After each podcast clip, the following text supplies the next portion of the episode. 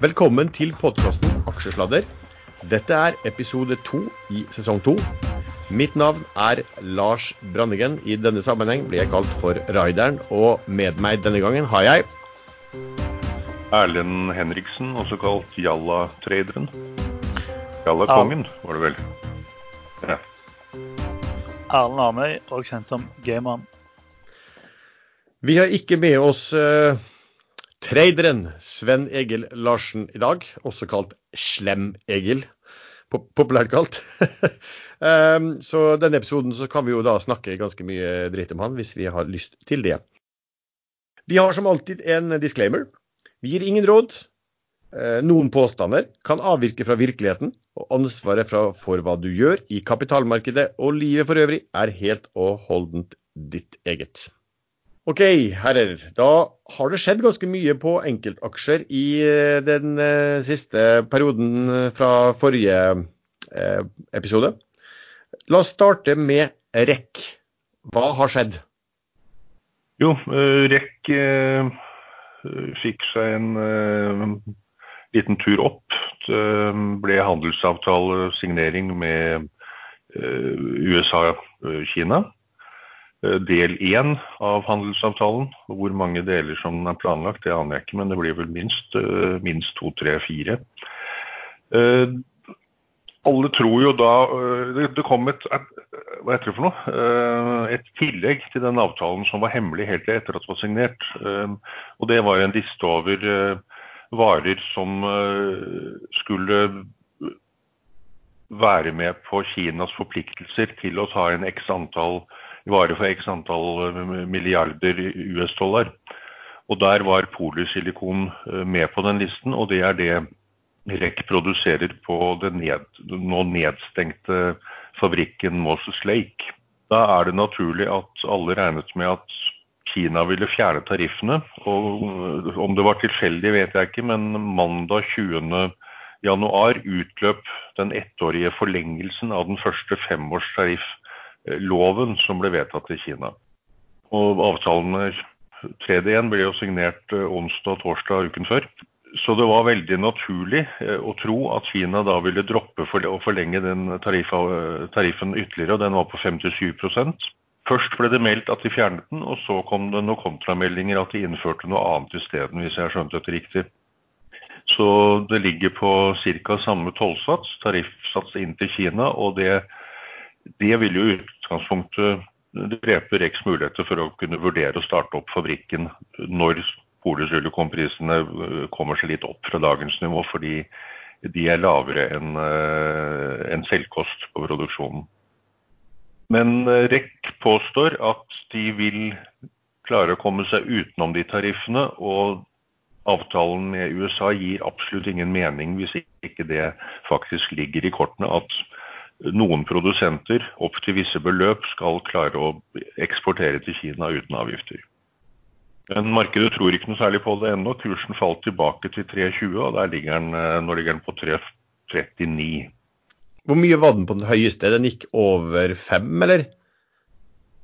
Ja, det nå husker jeg ikke farten. Gi meg to, to eller fem sekunder, skal jeg finne ut det. Den eh, toppa vel på 5,1 faktisk 16.1. Eh, ja, ikke sant. Så kursen har jo fått en fantastisk fin oppgang uansett. da, For uh, Kjell Inge Røkke, altså Aker, kjøpte jo um, aksjene til Jens Ultvedt Moe på 1,21, eller? 32,5. Nei, 1,32. Nei, 1,13,5 var det. Nei, 1,32,5 var det. Ja, noe sånt. Ja, ikke sant. Så, så, for å si sånn, kursen har jo steget voldsomt bare i dag. Eh, og hadde jo da steget, steget da nesten 300% vel.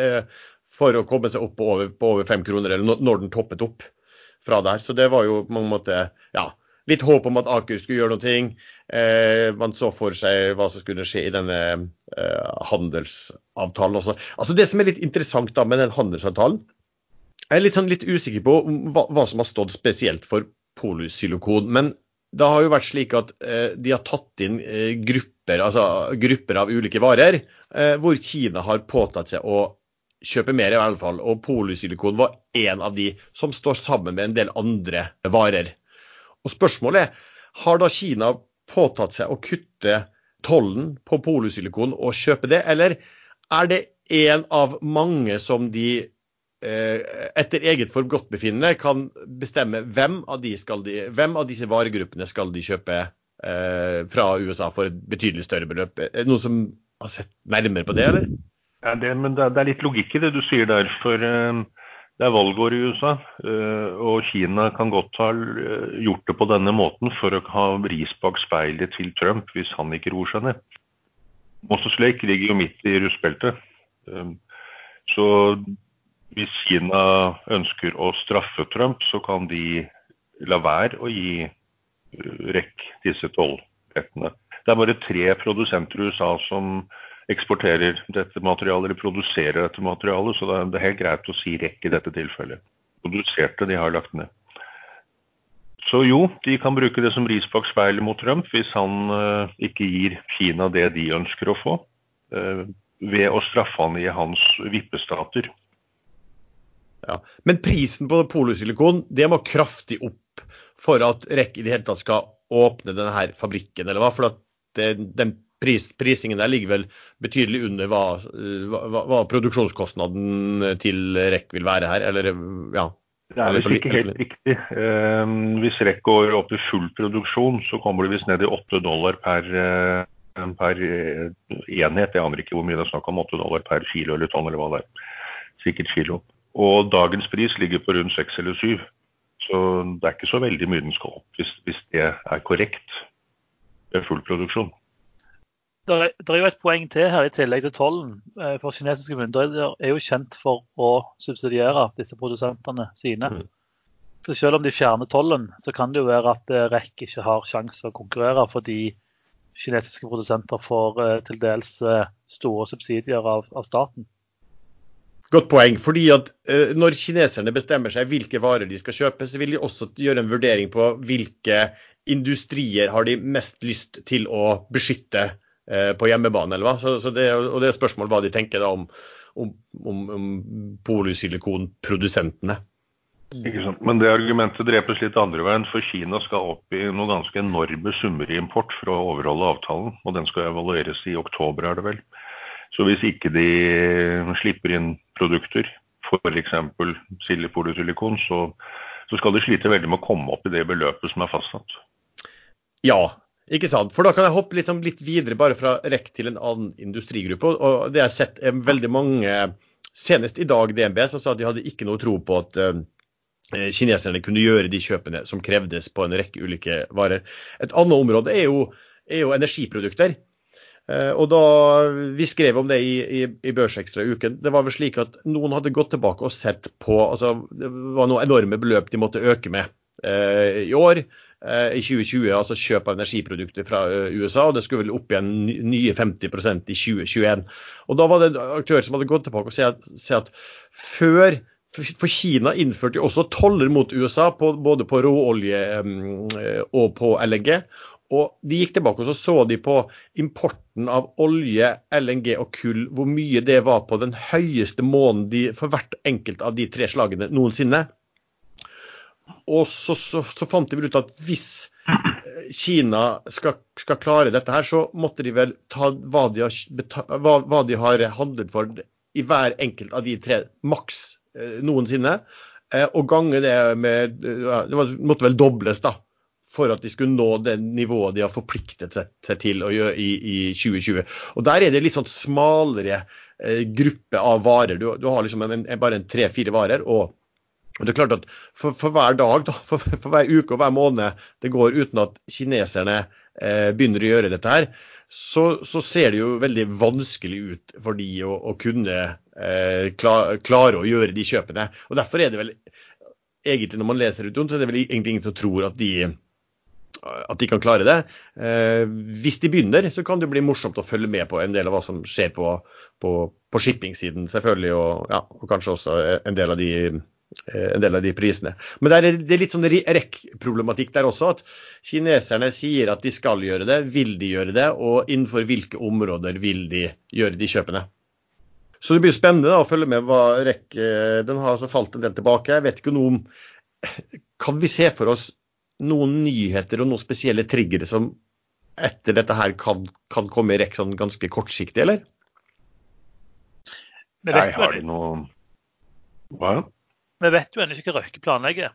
Sant? Han har jo sittet i ro og vel egentlig ikke sagt noen ting siden han kjøpte REC. Og han har vel en del eh, kontakter borte i USA politisk. Så et utspill fra han eh, kan vel gjøre en del. Røkke er vel en av de få nordmennene som har, eh, i næringslivet som har håndhilst på en president og vært på rundreise og vært på TV sammen med dem. Så gjennom Aker Filler-systemet, AMSC osv. har Røkke veldig god kontakt i USA.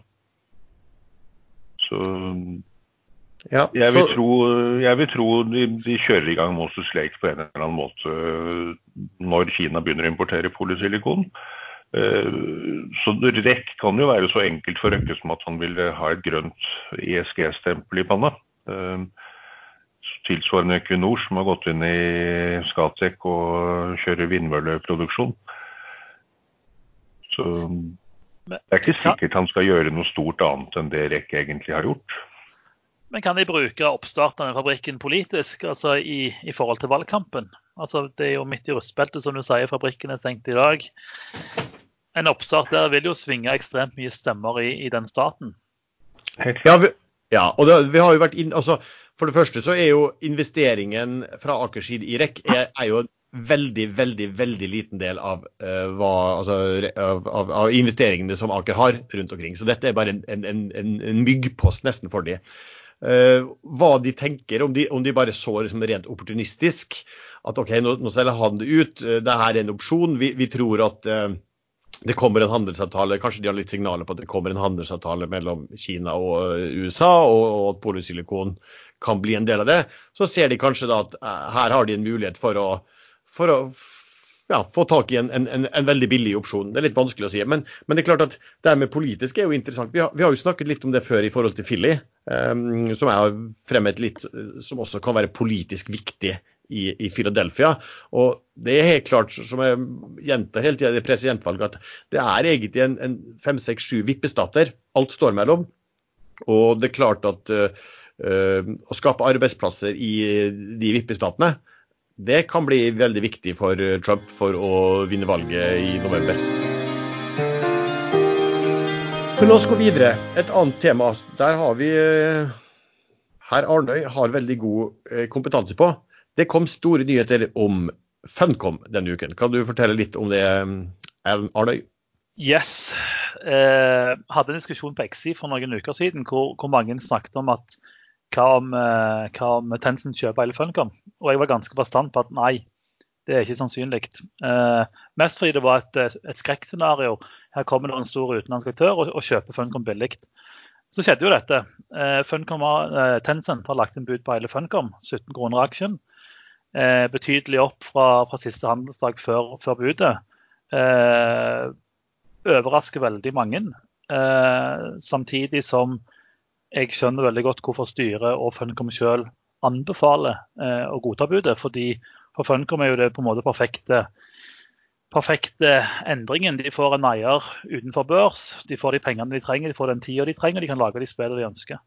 Men eh, som Funcom-eier har det jo vært en eh, interessant eh, uke så langt, for å si det mildt. Men Erlend, hvordan følte du deg da det viste at du hadde kommet med fake news uh, uken før? Når du avviste at Tencent kunne kjøpe opp uh, hele Funcom? Det var, var, heldigvis en måned før, da. Uh, men jeg tenker det er godt å se at alle kan ta feil. personlig så er liksom dette var, dette var hvis du tenker konkurs som det verste scenarioet, så var dette det annet verste scenarioet i, i, min bok i forhold til Funcom. Jeg snakket med en annen trader fra Stavanger som på en måte mente at Funcom og Dune opplegget. Det var liksom tidenes tra tradingmulighet som kom i hvert tiende år. Han var kjempeforbanna fordi muligheten nå blir kjøpt av Tencent. Eh, når vi ser hvor mye penger som puttes inn i denne Dune-filmen av, av, Legendary og Warner Bros, så er det helt tydelig at dette blir en stor IP. Så jeg, jeg tror Tencent kommer til å tjene de pengene her fryktelig fryktelig fort. Minner meg faktisk litt om når EA kjøpte Dice, som var det største studioet i Sverige. Da òg kom det skambud som de ble godtatt, og folk ble tvangsutløst. Ja, for så, for det som skjedde her i Funcom, var jo altså først i høst, var det vel, så kjøpte Uh, gikk Tencent inn og så kjøpte de Jepsen sin eierpost på knappe 30% i uh, Funcom, og da betalte de 15,75. Så falt kursen uh, ganske betydelig etter det.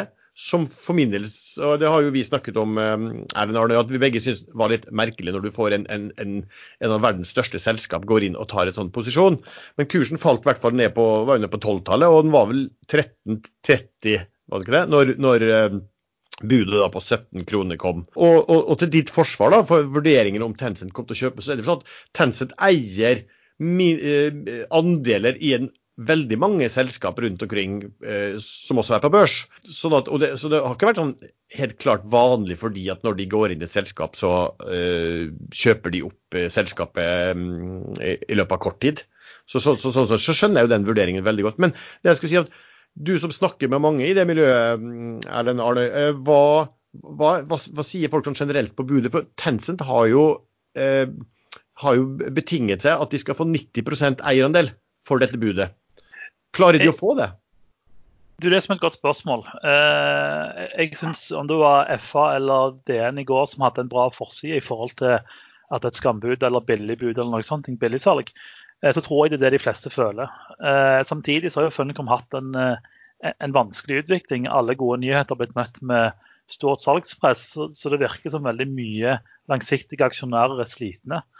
Det ser man jo typisk òg på, på, svenske aksjonærer som på en måte flokker til Funcom og så har forlatt skuta fordi det har vært null utvikling. Men når det, når det kommer på 90% så det er jo på en måte egentlig tre aktører som, som avgjør det. Det ene er jo Svebank Robur, som har 9,5% de har vært helt stille eh, i forhold til hva de ønsker å gjøre. Eh, Dottin-fondene, som har eh, 2,5% med Karl Amfeldt i spissen, han har vært ute og sagt at eh, de vurderer eh, å komme tilbake med hva de vil gjøre senere. Eh, det er jo han som kjøpte alle Funcom-aksjene når han leda eh, Søbank sitt fond òg. og han dumpa jo alle Tencent-aksjene sine tidligere pga. handelskrigen. Eh, og så har man jo den tredje personen, som da er Fredrik Malmberg, som var i styret. Eh, som nå gikk ut av styret for når Tensen kom inn. Som eier vel litt over 2% som på en måte også kan være med å vippe det. Eh, ellers er det jo en del både norske og danske aksjonærer som har, har, tydelig gått i opposisjon mot Tensen. Men jeg tror ikke de har nok aksjer til å, til å stoppe det. Han, han Malmberg, solgte ikke han en del aksjer ut når Tencent kom inn første gangen? Jo, han solgte halvparten av porteføljen sin. Altså Malmberg sine aksjer var jo i hovedsak betaling for IP-ene. Altså Funcom og Malmberg har jo et selskap i sammen som heter Heroic Signatures, hvor IP-rettighetene til alle Malmberg sine IP-er ligger. Altså det vil si spillrettighetene til IP-ene. Mm. Eh, så alle aksjene hans i Funcom var i betaling for disse rettighetene.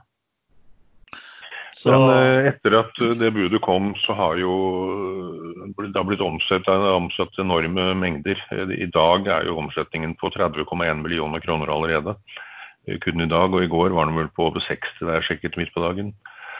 Eh, så det skal ikke så veldig mye til før eh, denne 9,5 eieren har kjøpt seg opp til over 10% og blokkerer da budet i henhold til det første budet. Uh, eventuelt at en eller to eller tre av de andre går sammen og gjør det samme. Uh, ja, har... kan, kan, dette, kan, dette, rett og slett være et utspill fra Tencent for å klare å komme opp i over den eierandelen de hadde? Fordi 30 eh, er budplikt, og da måtte de gitt budplikt uansett. Mm. Uh, nå kan de ha gitt et bud som de vet eller regner med at de ikke går gjennom. Uh, og så plukker de aksjer på børs nå samtidig som de får en del tilsagn. Så kommer de kanskje opp i 50-60-70% eierandel. Og søker da etterpå om å få lov å fortsette å ha den eierandelen og fortsette på børs. Og det vil de vel få godkjent? Ja, det vil du få godkjent hvis du, hvis du uh, legger inn et frivillig bud uh, og sier at du kan, og du betinger deg noe. Det er ikke noe, ikke noe i veien for at du da kan eie 80% av selskapet. og fortsatt, fortsatt. Rundt 80% går grensen, tenker jeg. Det må være 20 free flow. Det er vel sånn bomullsregel. Ja. Men også, de eier jo bare 30 i dag. Eh, det er sånn 70 på egne hender. Og det, er jo, og det er jo veldig mange hva skal du si, spillentusiaster og litt sånn Funcom-menighet som eier veldig mye um, aksjer. Så det blir litt spennende å se hva folk uh, faller ned på, hvor stort tilslag de får. Det, det, tar vel en stund her, for de har vel meldt at de vil legge fram, og nå må de da legge fram, da må de jo legge fram et uh, dokument på det, og så må man gi dem gi litt tidsfrist for, for, å akseptere. Og så er det jo gjerne slik at de tidsfristene fort blir litt forlenget også, fordi at folk, folk, er trege og kanskje de ikke har fått det nok med en gang. Og i hvert fall her når det er veldig Det er jo på en måte veldig spredt eierskap eh, på de, eh, på de øvre aksjene. Jeg tror fristen er Det kan jo også skje at budet forhøyes, og da vil jo de som eventuelt allerede har gitt tilsagn på 17 kroner, de vil jo også da få den høyere kursen hvis budet forhøyes. Ja. Jeg tror det er derfor mange venter på hva Tinn og Robur gjør. Fordi de to alene kan blokkere. Og Det er derfor jeg tror det er rolig. for Jeg tror, no jeg tror noen diskuterer eh, på hvordan de skal løse det. Ja. Eh, og Det er jo ingen tvil om at jeg syns 17 kroner det, det, er et smart bud. Altså Tencent er ekstremt flinke. De er verdens største spillselskap. Over 100 milliarder i omsetning i fjor. Budet er betydelig over siste kurs. og Det ser man jo på en måte på alle som har solgt nå. Spørsmålet er hvem som har plukket opp aksjen med 17 kroner. Hvis, hvis Tencent vil til over Funcom, tror jeg de klarer det. Kan være de må øke budet litt, men jeg syns Tencent er flinke. Jeg liker det ikke, men jeg, jeg syns de er flinke. Det som er litt interessant, som jeg tror man skal tenke på, er at det finnes altså store fond, store, aktører utenlands, som har som forretningsidé på børs å kjøpe seg inn i selskap hvor det foreligger en budsituasjon. Fordi at det man vet er at det ofte kommer altså i håp om at det kommer konkurrerende, og du ser jo ofte at de, det, det, opprinnelige budet må økes. Det ser man veldig ofte. Så du har tunge aktører som ser på sånne situasjoner. Og jeg er ganske sikker på at det vi har sett i de siste dagene av kjøp, er eh, utenlandske aktører som kjøper seg inn eh, i, i, Funcom eh, ut ifra en slik bred strategi, hvor, de, hvor de, som, som, Funcom vil være en av mange aktører hvor de kjøper aksjer. Eh, i, i, ja, i, håp om at, at, det skal komme bedre, eh, bedre tilbud. Det, det, ble jo passet en artikkel på, på TechInvestor faktisk, som gikk på akkurat dette disse fondene. og det var ganske OK avkastning faktisk på fond som kun driver med denne type butikk. Altså de kjøper inn når, når, når det foreligger bud. Men, men, det er jo en... Bud i seg selv, eh, Erlend, selv om du mener at Funcom burde være mye mer verdt hvis de får til denne Dune-prosjektet sitt. Eh, bud i seg selv er jo høyt nok. Eh, det var jo basert på seks, siste seks måneders kurs og lå vel en godt over 20% over det. Så, ja, så de som spekulerer i å si nei til budet og eventuelt gå til rettssak etterpå for å få et høyere bud, de vil vel ha en snøballsjanse i helvete til å få til det, vil jeg tro. Ja, altså, jeg, jeg, tror jo Hvis budprisen skal opp, så er det fordi Tencent vil. Altså, de, Tencent vil ha hele. og De har forhandla med noen som, som, på en måte kan blokkere, og så har de økt det. Men vi bør jo nevne litt hva alternativene er. Sant? fordi Det kom jo en del meldinger fra Funcom når dette budet kom. Eh, og Det mest interessante der er jo dette spillet som de har jobbet med i USA nå i to år, Mutant Chronicles. Hvor de egentlig foreslår å utsette spillet, altså Mutant Chronicles, til etter Dune, og flytte alle folk over på Dune for å øke mengden mennesker som jobber på Dun, og samtidig hente inn penger. Og så kan du alltid spekulere i på en måte hvorfor kommer en sånn melding som de som et bud, akseptere bud eller, eller få en blodig emisjon. Men det at Funcom har et spill som de jobber med i to år, hvor mye penger de har brukt, ingen vet. Jeg tipper de har brukt 10 millioner dollar, bare andre som tipper 12 eller 14. Men det er ganske mye penger som er brukt i et spill som nå settes på is. Andre spill de legger på is på kort tid. De la jo òg Conan, eh, Conan singleplayer-spillet sitt fra Oslo på is. Så det er liksom, jo, jo, mer man tenker på det, så er det sånn Hva skjer hvis Tencent-budet faller? Hvordan ser Funcom og, og kursen ut da? Det er jo sånn at Styret har jo da, har jo da anbefalt eh, aksjonærene å ta dette budet. og da er det jo sånn at I styret så satt det da folk fra Tencent, men de har da, hvis jeg har forstått det rett, og det skal du gjøre, eh, erklært seg inhabile i behandlingen av budet og, og, i anbefalingen. Så da er det de eh, styremedlemmene da, som, er, som er ikke knyttet til Tencent, som har anbefalt budet. Ja, og det som er interessant her, det ene styremedlemmet er jo relativt nytt. Og hun kjøpte jo 150 000 Funcom-aksjer til 20 kroner stykk når hun kom inn i styret. Så hun har da anbefalt et bud hvor hun taper tre kroner aksjen. Og da er på en måte hva alternativet til budet? Så den, eh, jeg tenker jo at det er litt synd. Eh, Norge trenger spillselskaper. Jeg tror ikke norsk børs har skjønt Funcom, dessverre. Eh, så det er jo en, er en æra som slutter. Men jeg tror Funcom kan få et bra liv under Tencent, altså. Ja, jeg er helt enig med deg med, med Funcom. Altså, jeg Jeg kjøpte jo, som vi snakket om her, en, uh, noen uh, aksjer etter budet. Fordi, eller ikke etter budet, men etter at Tencent kjøpte seg inn første gang. Ja. Fordi at det, det forekommer litt sånn absurd at eh, altså oppmerksomheten i media knyttet til at et av verdens største selskap gikk inn og kjøpte seg 30% i et, et norsk børsnotert selskap, var veldig liten. Altså, du kan tenke deg en sånn sammenligning. da, En eller annen gigant uh, Google hadde gått og kjøpt seg inn i uh, Kahoot. Ja, ikke sant. For eksempel, ja, du, hadde jo, hadde jo, du hadde jo blitt skrevet opp og ned av sider, og det hadde jo ikke vært måte på til kursmål. Eh, mens for Funcom så var det altså Det er jo ingen, ingen meglerhus i, i, i Norge som, som, følger aksjen. Eh, og som, Det finnes ingen anbefaling på det. Eh, og den kursen hadde jo kommet til å ha, ja, Den burde gått my, mye oppover i stedet, eh, og falt ganske kraftig. Det var en god mulighet for mange å, å, å kjøpe. Det har kommet ganske mange emisjoner. Og en av de emisjonene um, som ble satt i rakettfart, var Nell. Så Nell kan vi snakke litt om. Hva, hva, hva, er, hva tenker dere om Nell? Nell er jo um, et soleklart ISG-selskap. Um, uh, det ble diskutert lenge før det viste at det var sant, fakta, at uh, en del fond faktisk uh, skal eie disse selskapene, koste hva det koste vil. Det er såpass liten andel av fondene de bruker på sånne investeringer at de, de kjøper langt over bok. PE på Nell, det, det går de kan regne på. De har, ja, de har litt inntekter, men ikke mye. Men de bygger frem framtid, og dagens market cap øh, ser ganske uoppnåelig ut når man begynner å regne på tallene. Men ting kan skje. Men det er noen tyskere øh, via Clearstream som kjøper seg inn. Om det er en gruppe som kjenner hverandre, eller om dette er mange småaksjonærer, det er det ingen som har klart å fastslå med sikkerhet. Øh, men de kjøper og kjøper, og det skrives side opp og side ned på forum i Tyskland om hvor fantastisk bra Nell er som investering. Så eh, Kursen var vel på 10,40 kanskje. 10,50 rundt sluttet den, og så kom emisjonsmeldingen, og eh, emisjonen ble satt på 9,50. Og den var jo veldig stor. Hvor mye var det? Nesten en milliard? Nest, nesten en milliard. Da, de, de henta altså med 5 rabatt.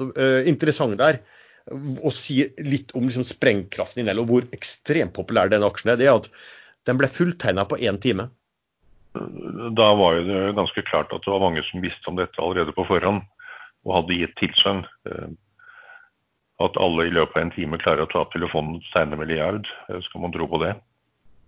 Ja, nei, det, det, er vel ikke i seg ja. selv forbudt heller. Det, man kan jo bli satt i innside. Korrekt. Hvis du blir satt i innside, så er ikke det noen problemer med det uh, i det hele tatt. Men, men, hva er prisingen på Nell nå? Hva er markedsverdien på Nell? Sånn, uh, siden jeg ikke følger den til vanlig? Noen som har regnet på det? Jeg husker ikke antall aksjer, men er, eh, kursen er jo Nå er den, ja, den, den er ca. Ja, den er ca. underkant av 12 milliarder. er den. De er i hvert fall innenfor et, veldig, eh, et område som det er veldig stor interesse for. Og klart at Miljøfokuset, ESG-fokuset og ESG-hypet, som, som, mange vil kalle har jo hjulpet eh, Nell noe enormt. Og, og det vi ser er at viktig å følge med disse Clearstream-kontoene, som har økt og økt og økt og økt og økt og økt, økt hele tiden. Clearstream, i hvert fall på listen her, så står det at de eier da eh, 36 36% av aksjene. Så her må det jo være noen, eh, en gruppering som i alle fall er løst tilsluttet, og som må bestå av mange. Eh, for det er ingen av disse aktørene som har flagget over 5 så, så det, det har man jo sett før at det ikke nødvendigvis skjer. Da Rak kjøpte opp i DNO, så flagget de vel ikke noe som helst før det var oppe nesten 30 og kuppet selskapet. Jeg kan ikke huske at Oslo Børs tok tak i det i etterkant. Nei, jeg, altså jeg, vet ikke. Men hvis det er her i fond og sånn, så er jeg nok litt forsiktig å holde på så lang tid. Eh, men som du sier, altså det, det fins helt sikkert hvis, hvis, det vil omgås og ikke oppdages, så kan det vel bli omgått og ikke oppdaget. Ikke sant? Men uh, angående market cap til Nail, så, så, har jo den blitt uh, Eh, blitt diskutert tidligere, eh, da av Spetalen, eh, som var eier i Nell, og ble spurt om, om han skulle selge. og Han sa at han tenkte ikke de baner i det hele tatt. Nell kunne bli verdt 50 kroner, 100 kroner, eller om det var 50 milliarder, 100 milliarder han sa, eller uendelig. Så oppsiden er eh, fremdeles veldig stor i henhold til Spetalen. Men han solgte jo da rett etterpå. Eh, Det et Nell har helt konkret, det er en kunde i USA som heter Nicola, som skal produsere tung, tungtransportkjøretøy eh, som skal gå på kryss og tvers i hele Nord-Amerika, inkludert Canada, eh, på hydrogen. De har produsert prototyper, og men bilene kommer ikke på markedet før i rundt 2025. De har laget en egen modell eh, for Europa som heter 3, det norske tallet 3 i bokstaver. Eh, Han har veldig godt forhold til eh, Nell-sjefen, så derfor ble det litt norsk inn der. Men den har de nå gått bort fra at skal gå på hydrogen, den skal gå på ren el. Men de store tungtransportene i USA skal fremdeles gå på hydrogen, og den kontrakten i seg selv ble det regnet på i sin tid at det har vært rundt 50 milliarder kroner.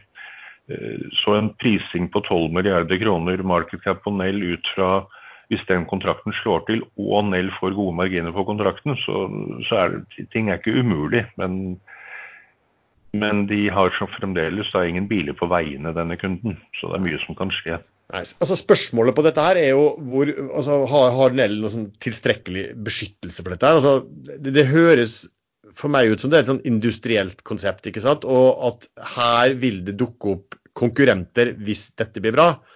Og da er det spørsmål på hvilke marginer kan man få ut av, av de prosjektene som man, man er involvert i.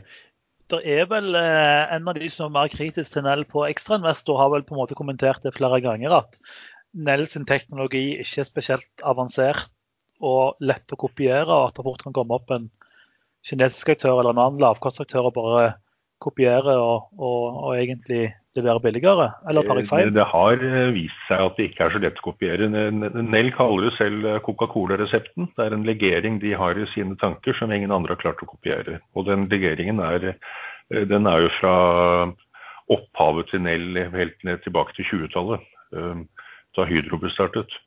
Ja. Og en annen ting er jo at Nell har jo nå kommet langt. De er mye større enn alle de andre. De har nå startet nå produksjon av ny fabrikk på Herøya, så de, det begynner å bli en, noen barrierer for å komme inn på det samme markedet de har nå. Mye av det du akkurat sa, sier nå, kunne du sagt om REC for noen år siden. Du kunne bare byttet ut Nell med REC. For REC var også super, ikke sant.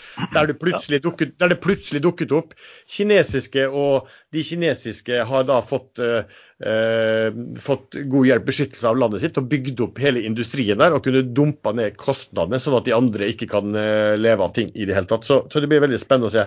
Eh, så, Dette ja. er faktisk en av grunnene til at du bare tar den veldig kjapt her. Dette er en av grunnene til at av Nell har vært veldig forsiktig med å gå inn på det kinesiske markedet, for Nell-ledelsen kom fra REC. Ja. Du, altså, vi, vi snakker litt om Nell. Jeg tenkte jeg bare kunne nevne også samtidig et selskap som har byttet navn. De heter Scanship før, og nå har de Wow. Um, og det, det, er også et selskap som har fått en vanvittig oppgang på, på den ESG-bølgen. Prises nå til 3,6 milliarder par ting der som jeg så i, går, så kom det en analyse fra et meglerhus som sa at de trodde inntjening per aksje skulle øke med 20 eh, fra 2019 til 2020. Og det ville innebære en PE på 80. For det som inntil man hadde det miljøfokuset, ble sett på mer som et sånt rent industrielt selskap. De har, de har jo faktisk ikke noe sånn spesielt sterke Det, det er ikke noen teknologimarginer i alle fall. Men, men de er innenfor spennende områder. Vekstområder, åpenbart. De har jo cruise som, som, vokser ja, de vokser 6% men de har også kjøpt seg opp og har egne satsinger som, der de kan begynne å bruke disse altså miljøprosjekter på, på land. Men det som kan være verdt å se der også, er at tyskerne har jo faktisk begynt å bevege seg inn på den også. Der også begynte du å se Clearstream eh, dukke opp eh, og kjøpe aksjer.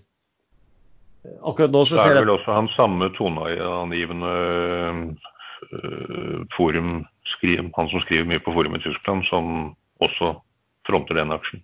Ja, er det bare, er det bare, jeg har ikke sett det i Tyskland. Er det bare én, eller er det mange som, som pusher stedet? Nei, det er jo alltid mange, men det er jo alltid noen som har følgeskarer. Han er en av disse, visstnok.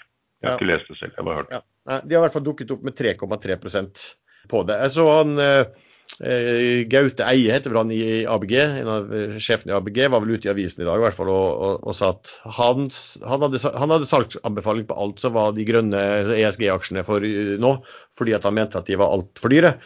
Det kan man i og for seg være enig om når man hører om på P80 òg, men men, men, det er veldig så sterkt press her. Altså, det er mye politisk, og det, her, her, her, kan det bli gitt mye både jobber og subsidier og alt mulig. Så, og, og, den hypen her kan fort uh, For jeg ville vel, velge å kalle det en hype for en del av selskapene. Den kan fort, den, man vet liksom ikke hvor den kan ende, da, for å si det sånn. Vet aldri. Dette ser man jo på Tesla og USA også nå. Kursen er vel nå på snart 600 dollar var ja. på under 200 eh, etter alt oppstyret rundt Musk og noen uttalelser og litt hasjrøyking og litt sånn, sånn småmoro. Ja, flott overgang. Tesla eh, har vel gått Hvor mye har den gått de siste par månedene? 50-60? Altså Den har gått noe helt vanvittig opp. Eh, nå så jeg da han derre Ralph Nader, han eh, miljø... Eh, han har vel stilt som presidentkandidat i USA eh, og en sånn miljøaktivist. Han, han var ute og sa at han trodde Tesla-hypen og, og liksom oppgangen der skulle kunne være det som knekte et, en, en, hype i, i, aksjemarkedet generelt. Han, mente, han, sammen, han gjorde de vanlige sammenligningene også da, med liksom hvor, hvor, hvor uh, få biler de produserte i forhold til Volkswagen, og hvor gjeldsatt de var, og, ja, og hvordan selskapet her ble priset eh, i forhold til andre som, der de hadde salg på en brøkdel. Og så kom da som vanlig disse eh, motstanderne av det synet og sa at ja, det der er ga, gamle måten å se det på. Man må se på Tesla som et teknologiselskap og ikke en bilprodusent. Eh, har, dere, har, dere, sett noe på altså, hva, hva er tankene deres om Tesla og den ganske voldsomme oppgangen vi har sett der i det siste? Nei, Det man har sett i markedet ellers, er at andre bil, tradisjonelle bilprodusenter har eh, kommet med elbilmodeller, og de flopper. Eh, Mercedes kjørte store reklamekampanjer og sin jeg husker ikke modellbetegnelsen nå, over romjula, eh, og solgte da Første meldingen fra januar var at de hadde solgt hele 19 biler i Tyskland de hadde regnet med sak på flere titusen, tenker jeg. Så eh, Tesla har fått et rykte. En, det er kult å eie bilen. Det er litt sånn eh, bilenes iPhone. Tesla har bygget ut systemet. De har hurtiglader overalt. Så de har et fortrinn nå som andre ikke har, og de har heller ikke all den ballasten som tradisjonelle bilselskap har med med dagens produksjonslinjer, som ikke nødvendigvis lar seg omstille til å produsere elbiler eh, uten store kostnader, kanskje ikke i det hele tatt. Eh, dagens produsenter må også produsere reservedeler i mange år, minst ti år er det garanteres. Eh, så det er, det er mye negativ egenkapital i dagens tradisjonelle bilselskap, som alle nå har sagt at el er framtiden. I hvert fall forbrenningsmotor er ikke framtiden, har vel nå alle innrømmet. Jeg så bare på kursen på Tesla. Den har også gått fra På to måneder da, så har den gått fra 330 dollar til 570 dollar. Og spesielt da kraftig. Du kan trekke den litt lenger tilbake. Trekk den tilbake til slutten av juni i fjor. Da var den på 175. Ja, ja sant. Ja, så da har den gått eh, 250% Drøyt halvår, var så vidt over et halvår, har den gått eh, fra 176 er det vel, til 572 nå. Mm. Så prisete, priset, Nå har vippet da også over 100 milliarder dollar i, eh, i market eh, cap eh, på den. Men det viser også litt av, som du nevnte, også salgene til konkurrenter som altså, hvilken posisjon Tesla har fått, og at de har klart å bygge, de har klart å bygge sånn varemerke at det er, det er, liksom Når folk snakker om, om elbiler, så er det liksom det er Tesla først, og, så, og resten er liksom ja, litt sånn mindreverdig omtrent. Det er også litt sånn misforståelser ute i verden om uh, hvor store Tesla egentlig er. Nå selger de 400 000 biler. Um, I fjor var solgte vel 50 000-60 000 før tremodellen kom uh, på årsbasis. Så veksten er enorm. Nå kommer de snart med Y-modellen, og da har de fullført rekken. Da har de en S og en 3 og en X og en Y. og det skulle opprinnelig bli sexy, men Ford satte foten ned og blokkerte Tesla fra å bruke E, så da ble det 3 isteden. Men det skrives jo på en litt moderne måte, så står det da sexy. Og der igjen, Musk markedsføring, han brukte Ford sitt nei, eh, Ford sitt ballespark, til å snu dette til noe positivt. Det er jo ikke veldig mange som hadde syntes det var veldig kult hvis det, hvis det hadde stått sexy eh, i Tesla-reklamen, men når det står sexy med tretall bak hver og man kjenner historikken, så er det plutselig litt morsomt. Mm. Så, eh, men det var egentlig ikke det jeg skulle fram til. Eh, hvor var, hva, hva, begynte du med? Jo, eh, antall biler 400 000 på årsbasis. Eh, før kineserne tok over Volvo, så hadde Volvo aldri klart å produsere mer enn 500 000 biler på årsbasis for å sette litt i perspektiv. Ok, la oss uh, hoppe litt kjapt på en hel del andre aksjer som vi kan snakke litt om. Skal vi se, vi kan starte Vi kan snakke litt kjapt om en emisjon i et selskap som heter Targovax. Uh, hvis jeg forstår det som ble postet på ekstrainvestor riktig, så kom DNB på onsdag med en kraftig oppgradering av Targovax, der de økte kursmålet fra 7 kroner til 19 kroner. Det er vel 100 70 ca. Eh, økning av kursmålet. Eh, senere samme dag, straks børsen var avsluttet, da kom Targovex med eh, melding til børsen om at de skulle hente penger, og en av tilretteleggerne var DNB. De klarte å hente penger, de hentet vel da ca. 100 millioner, og gjorde det til kurs 8. Da ble det jo en del diskusjoner på ekstravester rundt det særlig med Chinese walls og, eh, og, og dette med at det ene meglerhuset øker, øker, kursmålet kraftig på morgenen, eller om det var kanskje dagen før. Eh, og dagen etterpå så sitter de der og skal hente penger for selskapet. Hva tenker dere om den? Nei, jeg tenker jo at det, det er tilfeldigheter. Jeg nekter å tro at DNB har visst at eh, det kommer en emisjon på kvelden som de skal tilrettelegge for, og samtidig komme ut med, med økt kursmål. Men skal man være konspiratorisk, som min navnebror eh, ofte ønsker å være, så ser det jo stygt ut. Eh, uten tvil. Det kan, det kan, jo være at eh, DNB har misforstått dette med Chinese wall. Det betyr vel den kinesiske muren, at de heller tror det er Japanese wall, så de er laget av papir. ja, altså det, det er jo en del måter å tenke på. Helt sikker på uten at jeg tror jeg regner med seg spesielt konspiratorisk, at i veldig mange tilfeller så kommer det ut uh, analyser på selskap basert på at eh, meglerhuset eh, vil posisjonere seg for oppdrag.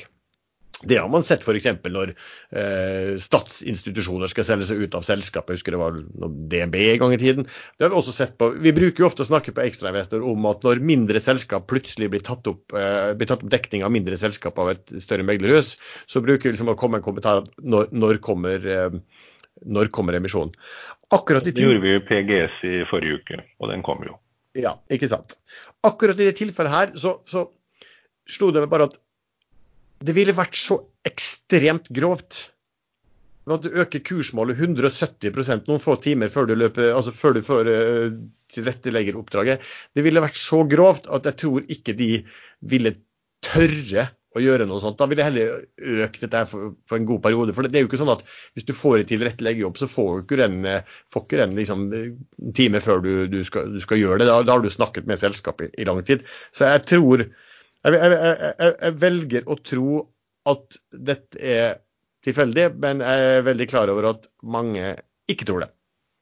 Jeg er jo sånn sett enig med dere begge, men, eh, men det er en ganske kjent teknikk i, i, i, mange deler av verden at man gjør det så grovt at ingen tror at det faktisk er mulig.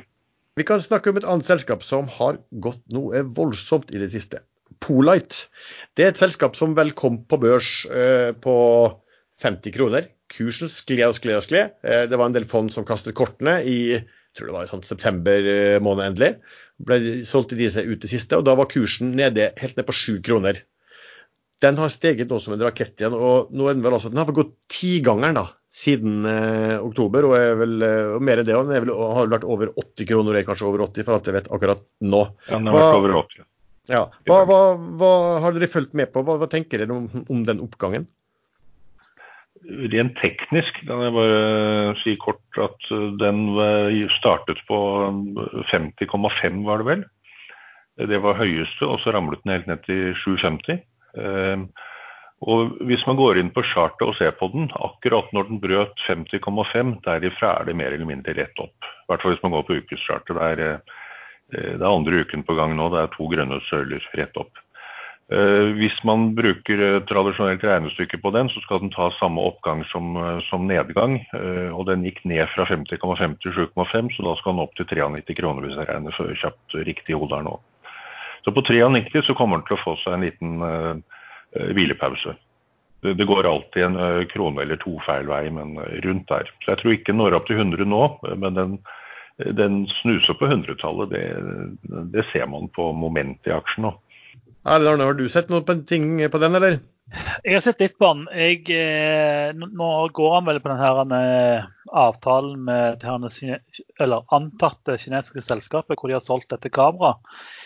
Eh, som vi snakket om litt i, i, forkant, vi vet jo egentlig ikke hvor mye penger de får for disse kameraene og hvor mye de tjener på dem. Ja, for, ja, for det, det, det, det, er linsene, sånn, sånn linseteknologi, egen type linser som de har i et kamera eller på klokker eller hva som helst, ikke sant? Ja, så jeg tenker jo litt at altså, det finnes jo sider som på en måte plukker fra hverandre, f.eks. iPhone. og så forteller de deg hvor mye hver enkelt del koster. Eh, og Når du tenker hva kameraer i telefoner egentlig koster, som er fryktelig lite, og så leverer de da en komponent til et kamera her, så jeg tenker, da, jeg tenker han går litt på luft, jeg, og luft og kjærlighet og, og hype. Men man skal jo aldri undervurdere hype, da. Nei, altså, hype, er, det, er det det vi andre kaller hype? Det er korrekt. Det stav stav stavangersk for, for, for, for Den er vel, den vel prisa nå til 600 millioner. Altså når den var nede på det laveste, så var, så var jo selskapet prisa til den over 600. Den var prisa til 60 millioner, og da hadde de 90 millioner kroner i cash. Eh, det går jo ut en del cash her også, men det er klart at det de hittil har levert, hvis altså, Da får de veldig lite per enhet, det de har levert hittil. Nå har det jo vært med sånn testleveranser, og det kan være at de får betydelig mer når, når de gjør vanlig salg. Men det er klart, eh, det skal selges, det skal selges veldig, veldig, veldig, veldig mye eh, av eh, disse linsene deres. De skal få innpass hos noen som, de, ja, som, som, kommer til å selge veldig mye, for at dette skal være verdt 600 millioner. Polite, de har ikke sagt hvem kunden er, men alt tyder på at det er Chiamo. Ja som har laget en barnesmartklokke. Uh, Polite har aldri selv sagt at de kommer til å tjene penger på den ordren. Dette er et designvinn som er viktig. Uh, mobilmarkedet er et must. Kommer de ikke inn på mobilmarkedet, så vil Polite forsvinne. Kommer de inn på mobilmarkedet, så kan man begynne å se på hvordan eh, marginene er på Fing, Fingerprint, svenske selskapet som, eier, som har nesten hele mobilmarkedet på sine sensorer. Eh, ekstremt lave marginer, men antallene er jo så enorme eh, ja. av enheter. Så hva var Fing priset til på det høyeste, og hva er det priset til nå? Jeg husker ikke. Det var flere milliarder kroner i hvert fall. Å ja, ja, mange. altså det, det var, Fing har jo falt, falt noe voldsomt. Fing ble jo omsatt for mer enn Oslo Børs uh, i perioder. Uh, daglig omsetning i Fing var høyere enn hele Oslo Børs. Ja, Men Fing, Fingerprint Cards tjente jo da veldig mye penger, for de, de, de, leverte vanvittig mye av, av, disse sensorene. Og så hadde de god marginer på det. Men så kom det vel inn da konkurrenter fra Asia. Uh, slik at disse marginene har blitt vesentlig, vesentlig lavere. Også sånn som Polite har jo de, har en eller annen patentert teknologi. og hvis du ikke har liksom innsikt og skjønner den helt, så er det liksom helt umulig å vite hva er verdien av dette her. Hvor, hvor, bra kan dette her være i forhold til andre aktører på det markedet. og Det er det som vil bestemme om de kommer inn, og i så fall hvilke, markeder, hvilke marginer de vil få på leveransen. De er helt alene om teknologien. Det er, eh, det er en flytende linse. Det er, et, eh, det er vel noe silikon, tenker jeg, inni en linse som jobber akkurat som et menneskelig øye reagerer mye raskere og mye mer nøyaktig enn eh, en tradisjonelle linser. Mm. Eh, og jeg vil tro også veldig mye billigere å produsere. Fra man starter design av telefon til, til den kommer ut, så går det ganske mye tid. Sant? Så liksom Starter du å jobbe med noen i dag, så går det fortsatt lang tid før produktet endelig er på, på markedet. En annen ordentlig rakett som uh, meglerhusene, uh, i hvert fall de som følger det, liksom nærmest har kappet om å øke kursmålet betydelig, er jo Kahoot. Kanskje du kan litt om den, Erlend Arnøy?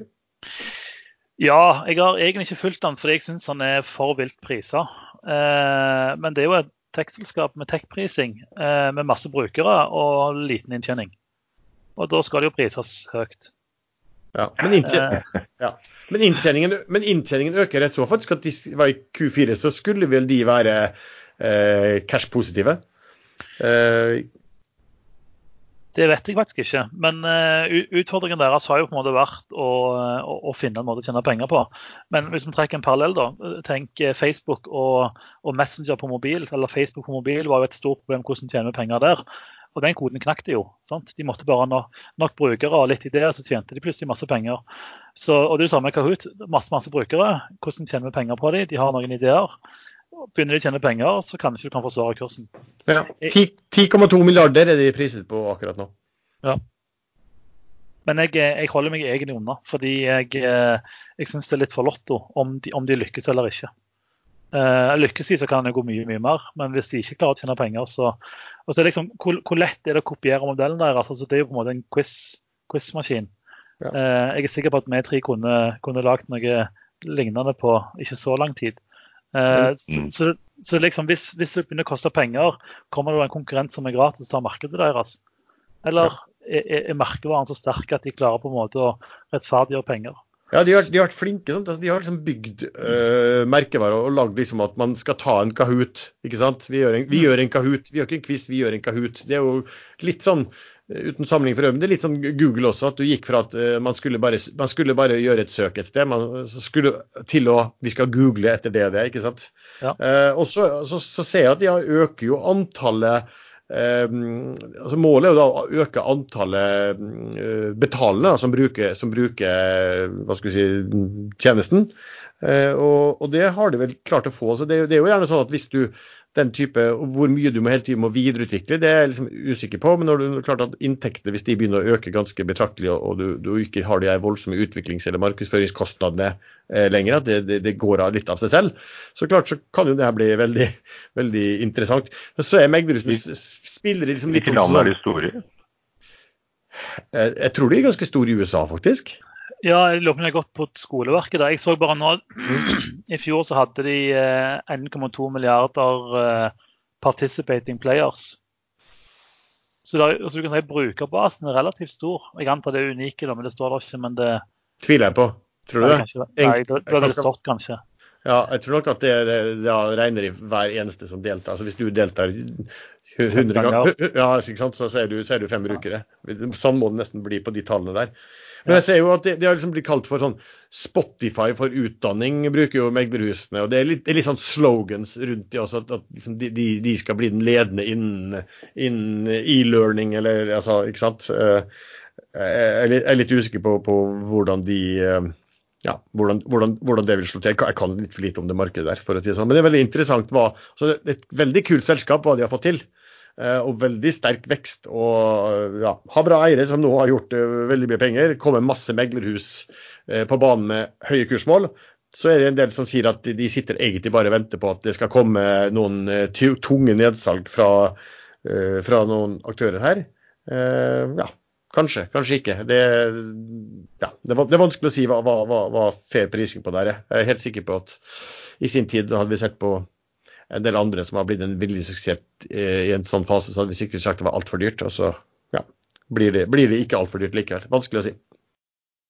En som vi har nevnt litt eh, tidligere, som, har eh, hoppet, som hopper veldig opp og som har hoppet veldig ned. Theone Erlend Henriksen har du snakket en del om. Target everyone. Ja, Trione er jo øh, Jeg vil ikke, jeg vil ikke sammenligne med, med Polite, for Polite har et produkt og de har øh, inntjening. De har en pris per produkt og kundemassen kan bli enorm. Øh, Polite de har software-løsning, er det vel, som, som, de har fått ganske store kunder på, men de har vel ennå ikke sagt noen ting om inntjening, om prising på dette her. Og en av de største eierne gikk jo akkurat nå ut og solgte seg ned på topp rundt 2,50. Solgte seg nesten helt ut. Så jeg tror det er en ren hype. Jeg kan ikke se at det selskapet der eh, skal kunne forsvare noen som helst kurs. Men nå er kursen nede på 1,2030, så den har halvert seg fra toppen. Men det har jo vært en fantastisk reise for de som, som var med fra den bundet ut på rundt eh, 9 øre, var det vel helt nedi der. Jeg var selv med fra 18 øre opp til uh, snitt på rundt 35 øre, og solgte vel i siste på noen og 50 øre. Men uh, det, det, er ille når det, er, når det, gjør vondt å se på at en kursen stikker femgangeren etter at man selv har solgt med godt over 100% fortjeneste. Det har jeg aldri opplevd før. I forrige episode, den første episoden i 2020, så hadde vi litt moro med å peke ut noen potensielle black swans for året som kom. Ikke nødvendigvis det vi trodde på, men noen ting som kunne skje, og som man burde holde et øye på. Det var fire, Vi hadde fire stykker. Eh, jeg gjemte politisk bråk og hva skal vi si uh, tilnærmet borgerkrig i, i um, USA. Sven nevnte gjeldskollaps. Altså kollaps i markedet og på, på um, lånemarkedet. Uh, så hadde Erlend Henriksen nevnte influensa, sykdom. Altså, vi kalte den vel litt morsom for fiskeinfluensa. Mens Erlend Arne, du hadde datavirus. Spesielt ditt innspill, Erlend Henriksen. Har det skjedd ting på nå ganske dramatisk, vil noen si, etter at vi hadde den sendingen?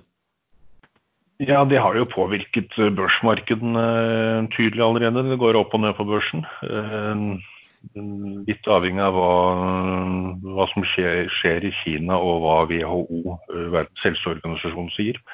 Nå i går så sa Verdens helseorganisasjon at tiltakene Eh, Kina setter inn, at de håper at tiltakene vil virke. Eh, og Kina sa selv at de regnet med at tiltakene vil virke. Eh, og det ble tolket litt om i pressen til at Kina har innført tiltak som virker, og at WHO sa at de virker. Og aksjekursen gikk rett opp igjen.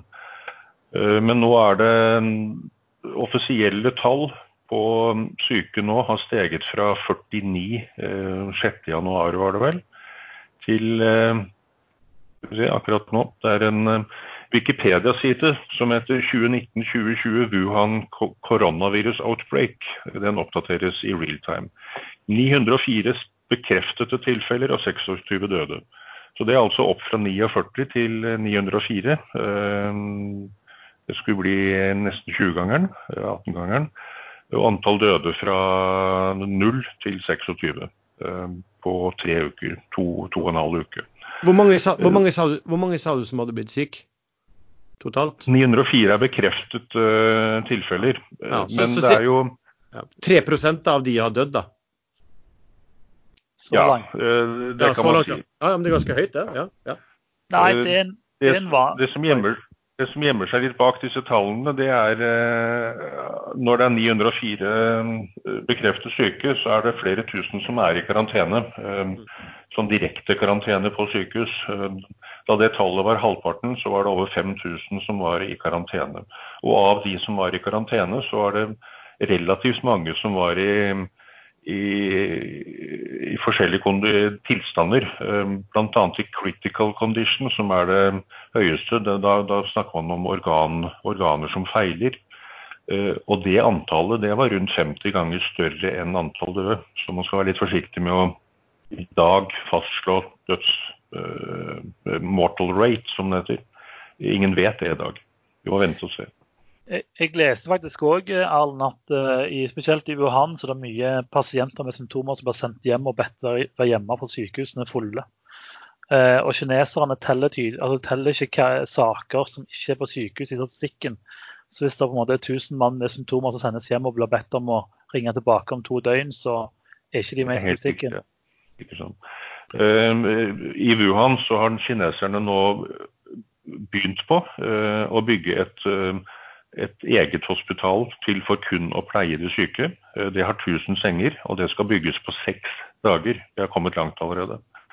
Det er helt vanvittig hvordan kineserne veldig raskt klarer å sette i gang sånne systemer.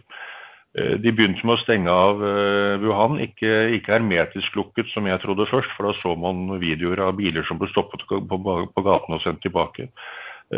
Alt av offentlig kommunikasjon, også inne i byene, er stengt ned. Alle kinoer, teatre, alt er stengt. Men det er fremdeles lov å kjøre ut av byene i egen bil, men alle blir stoppet for eh, eh, febertesting. Men med en inkubasjon, inkubasjonstid på opptil 14 dager som man frykter nå, så, så, hjelper det ikke å måle feber. Da kan man slippe ut syke folk, men de blir ikke selv syke før opptil 14 dager etterpå. Om de om de kan smitte andre før de selv er syke, det vet man heller ingenting om nå. Problem, problemet for Kina er vel er vel at nå er det sånn kinesisk nyttår. Er ikke det akkurat den perioden der hvor folk reiser veldig mye inne i landet? Og det er verdens største uh, menneskeforflytting. Flere hundre millioner som flytter på seg nå. Ikke sant. Og det, det, det, det er jo det de er selvfølgelig er spesielt redd for. Og dette her trekker da i markedene også, for at de blir redd for hva uh, altså Alt sånn hysteri, og plutselig skal, så står Kina litt mer stille. Plutselig så bruker de mindre Så det var noen som skrev liksom hvor mye mindre eh, olje per dag eh, kineserne da hadde behov for, eller kom til, kom til å etterspørre. Ja, det, det, det, det slår veldig, kan slå på veldig mange måter. Bare, bare, liksom, bare, litt hysteri rundt det, i den grad det er hysteri, som det jo ofte er. Det, som er et annet problem òg, er jo at det er mye kinesere som reiser utenlands under kinesisk nyttår. Fordi mm. det er en friperiode. Eh, og Det var jo en sak nå eh, med ei dame, kinesisk dame som reiste fra Frankrike til Paris eh, som hadde symptomer, som valgte å sikkert ta Paracet og det du finner lokalt i Kina for å dempe feberen, kom igjennom eh, kontrollene som var, fordi hun hadde bestilt ferie. sant? Det, det er ikke bare bare å reise utenlands som kineser.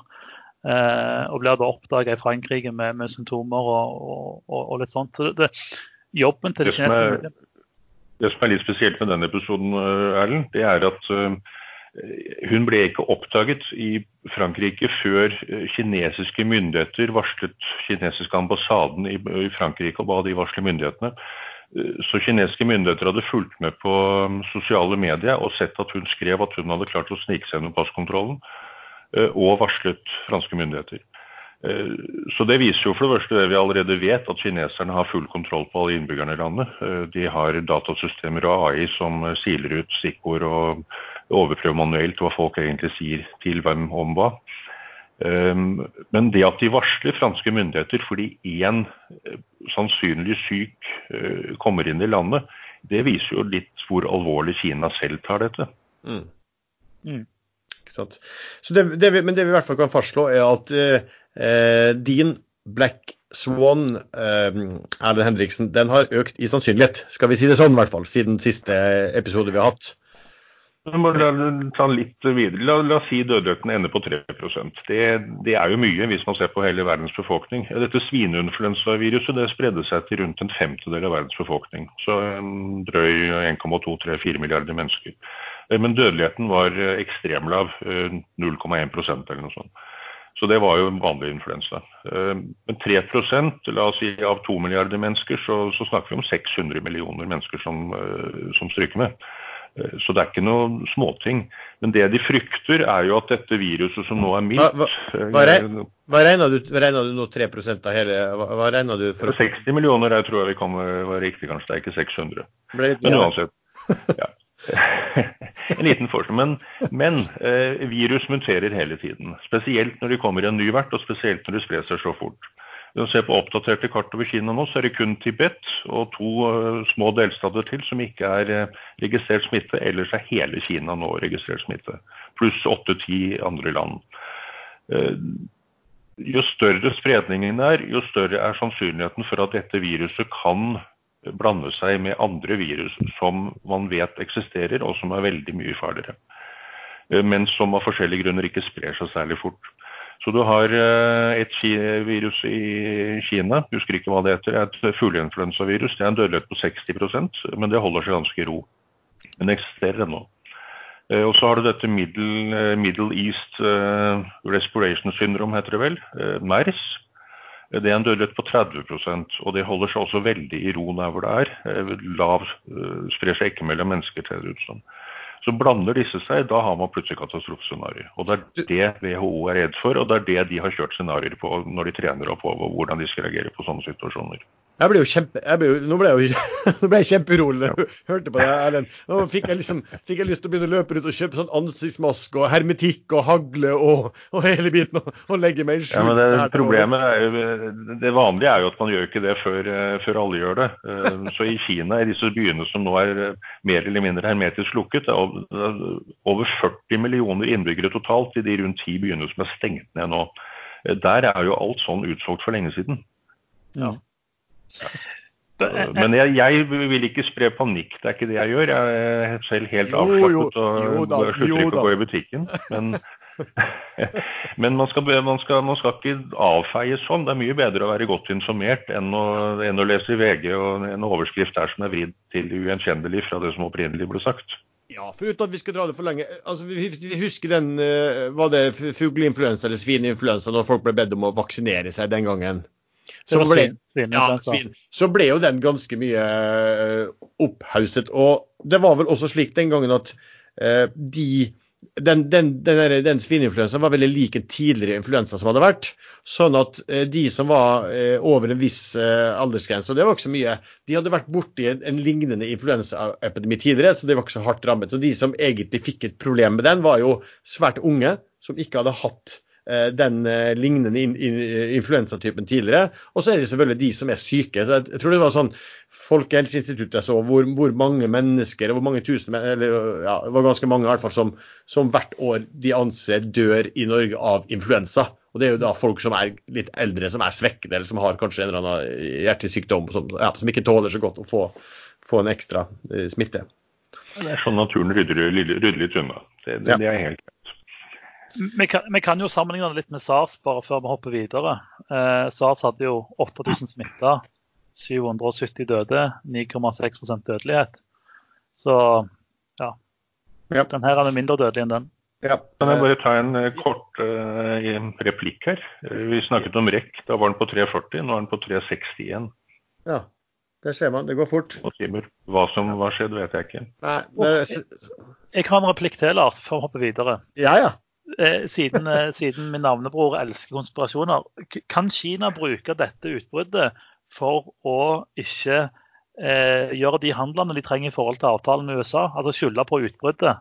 At det er derfor de reagerer sånn. For liksom si se her, vi kan ikke handle silikon og, og fisk og olje og sånne ting, for vi har et eh, virusutbrudd. Det er faktisk helt reelt i de statene i Kina hvor, eh, som er stengte, som har havner, så slipper heller ikke båter ut igjen.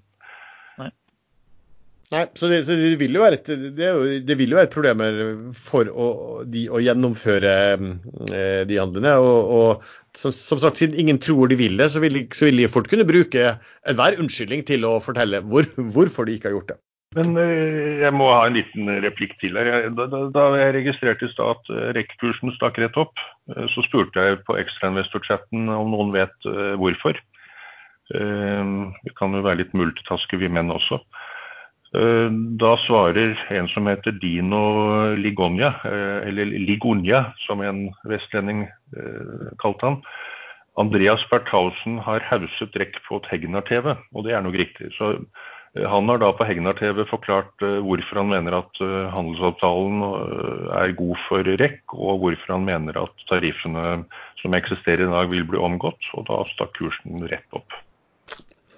Så Da ser man også hvor godt ekstrainvestor fungerer eh, som informasjonskilde. Ja, og det vet vi jo at det er mange aktører som er inne og hvis de ser noen spesielle eh, hendelser i eh, aksjer, så er det mange som går inn på trading-chatten f.eks. For, for å se hva skriver vi om, hva er forklaringen til noen av skribentene eh, inne på ekstrainvestor til hva som har skjedd der. Ok.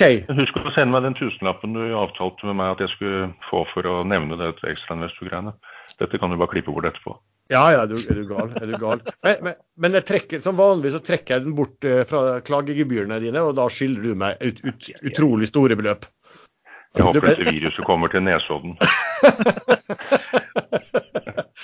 ja, gudene vet. Okay, Lars, ja. Replikk her og en fun fact. Eh, når man snakker virus og, og sånn vaksinegrad, så stiller jo Nesodden ekstremt dårlig. Oi, oi, oi. Ja, Nesodden Vi har jo blant den dårligste vaksinasjonsraten i Norge.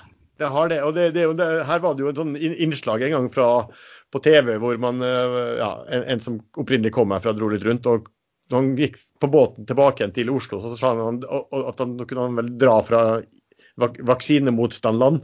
Og det, det, har jo mange fått med seg. Så når det var, Sist gang det var kommunevalg, så postet jeg på, inne på Ekstrainvestor på kvelden at det hadde kommet resultater fra Nesodden. Og at nei, nei, til vaksinepartiet da, hadde blitt største parti med 35 av, av stemmene.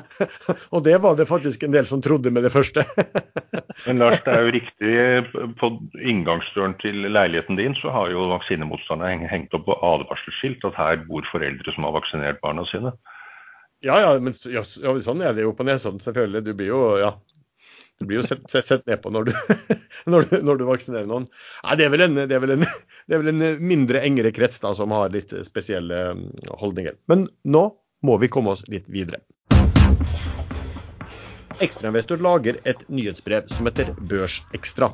Det er altså en sammenstilling av nye anbefalinger, nye kursmål fra meglerhus, samt at vi legger inn litt interessant stoff, nytt stoff fra media.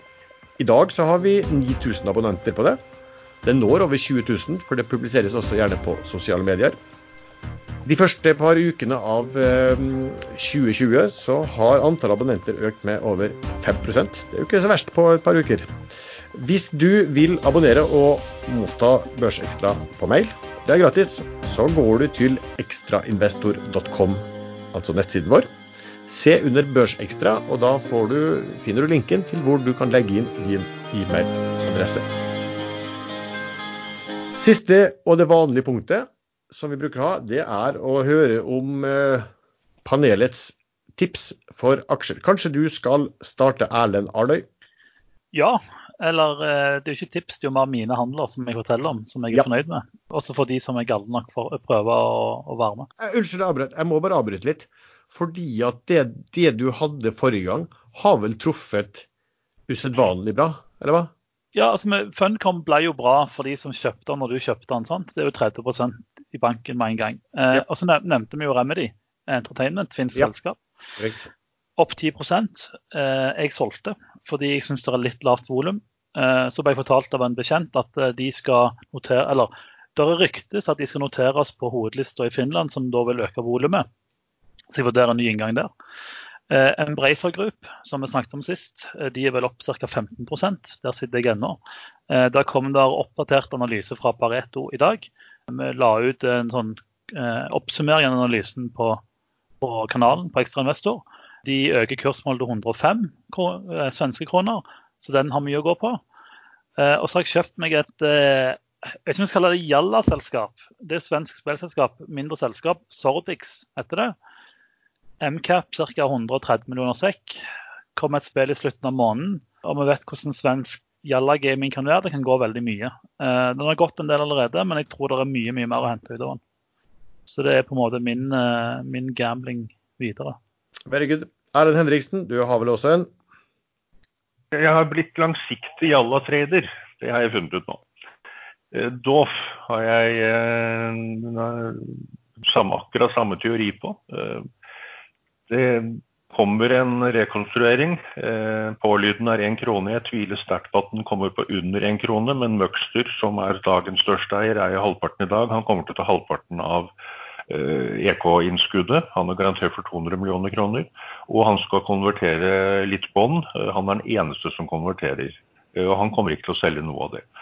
Så nedre kurs vil jeg tro er én krone, med veldig stor sannsynlighet. Og før det eventuelt kommer 300 millioner aksjer til hvis denne emisjonen blir satt på én krone, som jeg ikke er helt sikker på, eh, som kanskje skal selges ut til markedet, store deler av det, av de som deltar, for 10-20% gevinst, så er dagens kurs på akkurat 1,50 nå en ikke så helt gal inngang. Eh, relativt lav nedside, og det kan få en stor oppside.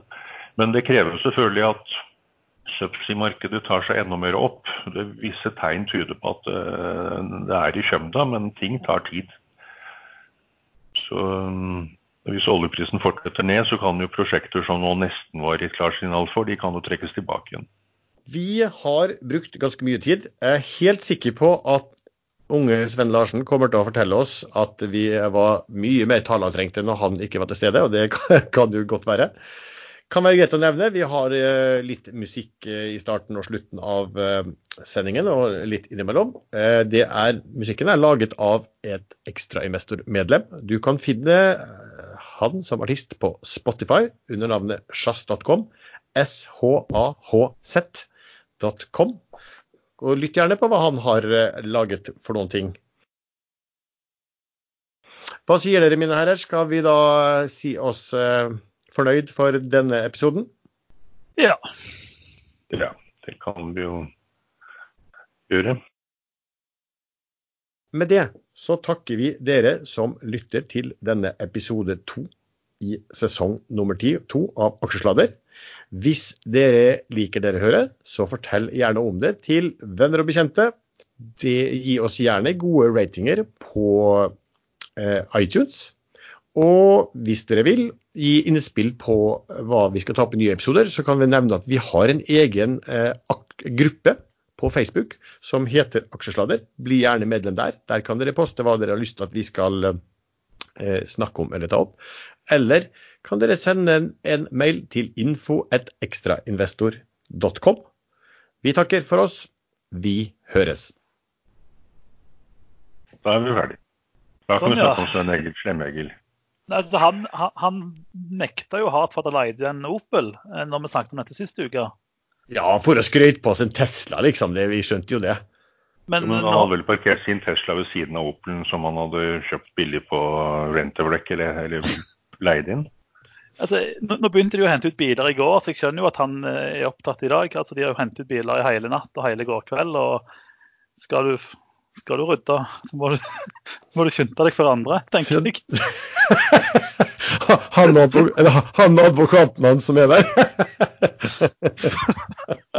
Han, han, eh, han, hva er det han sa han skulle for noe? Eh, Plutselig hadde han ikke tid for det, så det var nok noen som hadde ringt han at nå skal din bil ut. Ja. Nei, men det Dette får han styre med selv. Det, det er ikke så lang straff for forsikringsbedrageri. og Nei da, og da, da gjør han jo godt, godt eh, ja, god begrunnelse til sitt kjære tilnavn Slem Egil.